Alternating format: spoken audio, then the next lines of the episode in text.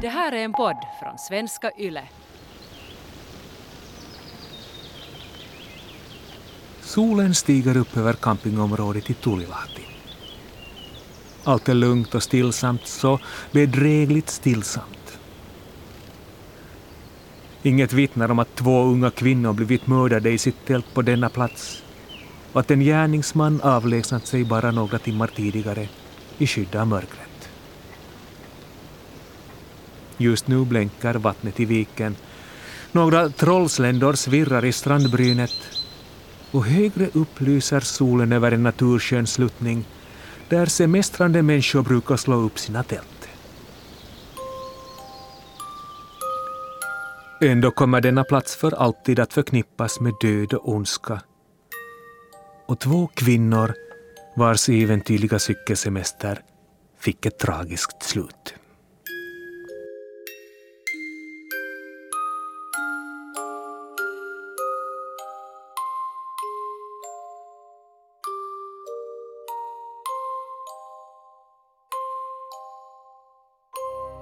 Finlandssvenska krimpodden presenterar Den sista sommaren en femdelad serie om morden på 21-åriga sjukvårdseleven Eine Nysönen och det 23-åriga kontorsbiträdet Ritta Pakkanen i Tulilahti år 1959. Del 4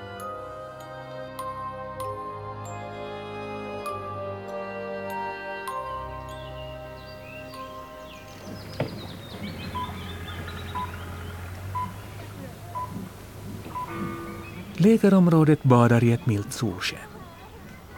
Två unga kvinnor plaskar omkring i strandbrynet ovetande om att två andra kvinnor i deras egen ålder blivit mördade på detta ställe bara några timmar tidigare. Kvinnorna ser så glada ut när de stojar och stänker vatten på varandra. Inget tycks bekymra dem när de vecklar ut sina badhanddukar på stranden och försöker hitta en kanal som spelar annat än klassisk musik.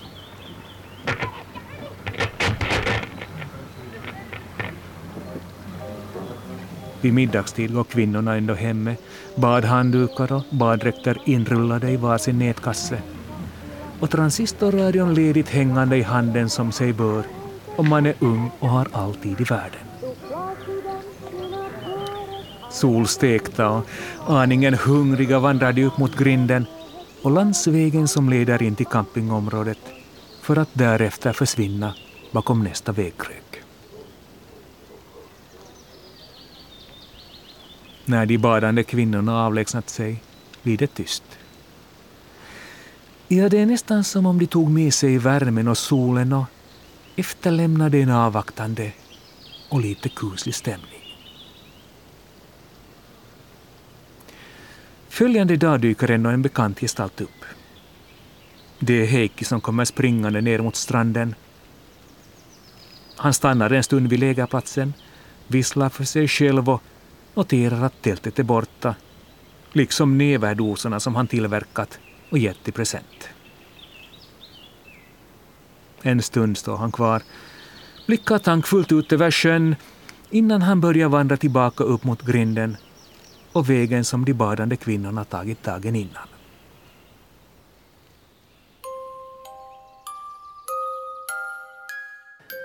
I takt med att dagarna går ökar ändå oron bland familj och vänner. Poliserna går ut med signalement på de försvunna flickorna.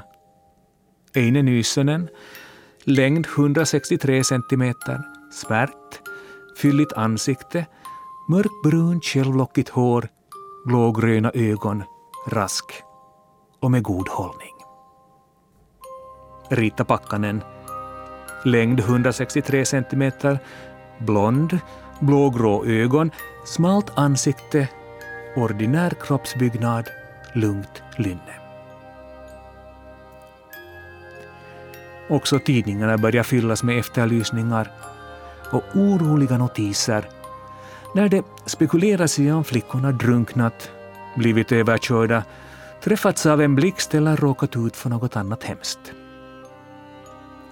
Även kriminalpolisen i Jyväskylä är bekymrad över att flickorna inte hört av sig och uttalar sig i tidningspressen på följande sätt. Vi är bekymrade och det kan hända att någon olycka inträffat för flickorna är inte sådana att de på eget initiativ skulle ha gett sig ut på några äventyrligheter, säger han.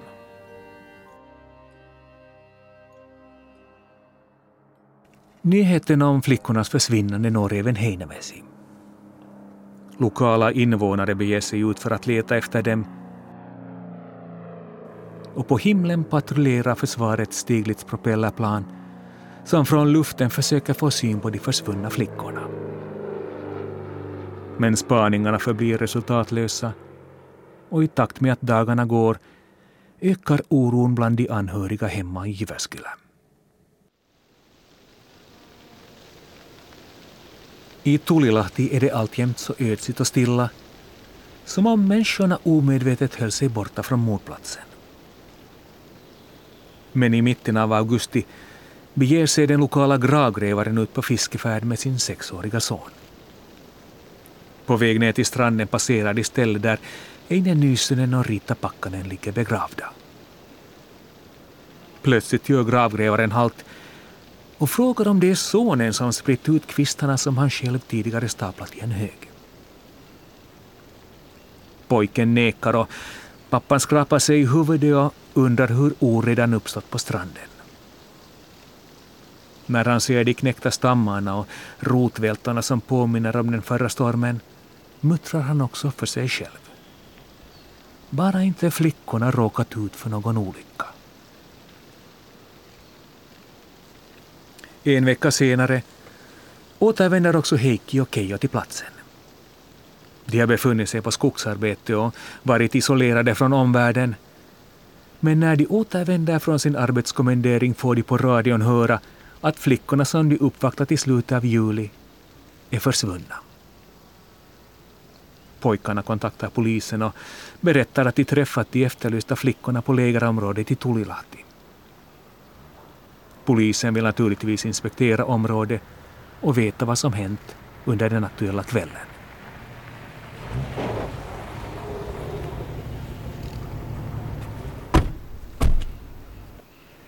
Keijo och Heikki anländer till Tulilahti, inte med båt som förra gången, utan med bil och eskorterade av poliser som nyfiket undrar var lägerplatsen ligger. Pojkarna förklarar det bästa de förmår och visar för polismännen var cyklarna stod, var tältet var rest och var alla satt samlade vid lägerelden. Poliserna lyssnar noggrant och antecknar i sina häften och Heikki och Keijo försöker minnas allt som kan vara av värde. Ska våra kroppar aldrig bli funna? Ska våra ägodelar förmultna i den närliggande skogen utan att någon någonsin får veta vad som hände oss?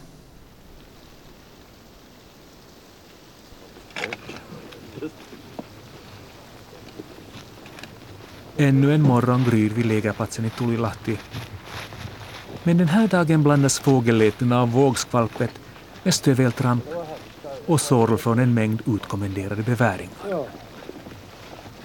De rör sig framåt på rad, finkammar området med blicken och rycker i ruskor och kvistar som om de begåvats med ett sjätte sinne. Snart är de framme.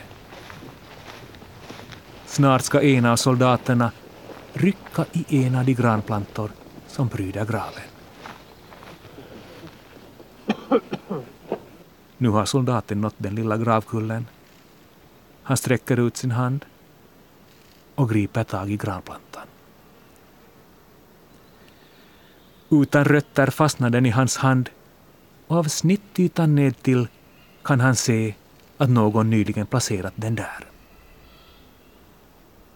Föga anar han att han står vid en grav. Men när han tillsammans med några andra soldater börjar undersöka fyndplatsen närmare inser han att de står inför det länge väntade genombrottet. Tillsammans börjar soldaterna försiktigt frilägga torrbitarna som placerats ovanpå graven. Kort därefter möts de av en fruktansvärd syn. av två misshandlade kroppar och blöta klädesplagg som färgats bruna av humus och blod. Soldaterna ryggar tillbaka innan de fattar mod till sig och försiktigt lyfter upp kropparna på en lavett och bär dem den korta sträckan på 200 meter tillbaka till lägerplatsen som utgjort ondskans skådeplats för tre veckor sedan men som nu i sensommarvärmen bara ser vilsam och inbjudande ut.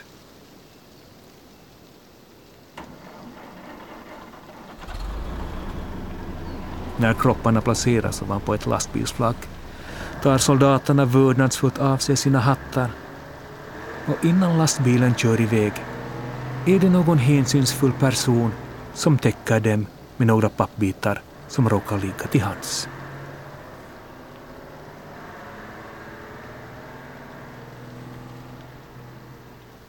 Ett dödsbud är illa nog, men ett uppskjutet dödsbud är tusen gånger värre.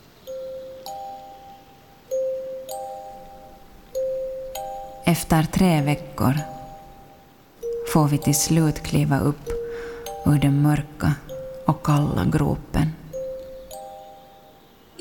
Äntligen får vi åka hem och lämna Tulilahti bakom oss.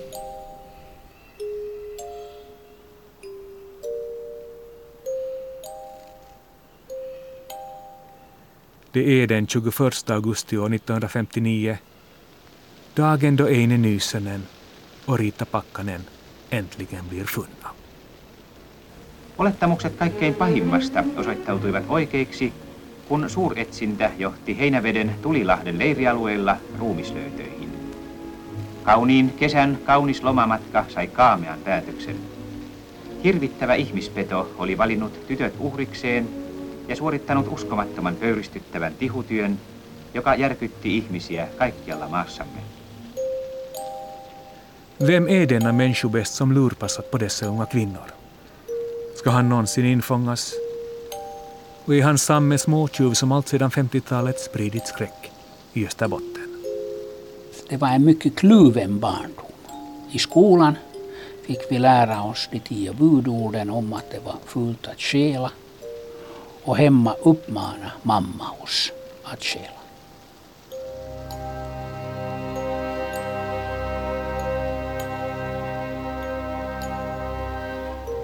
Du har hört det fjärde avsnittet av Finlandssvenska krimpodden Den sista sommaren av mig, Petter Lindberg. Med uppläsning medverkade Sara Solier.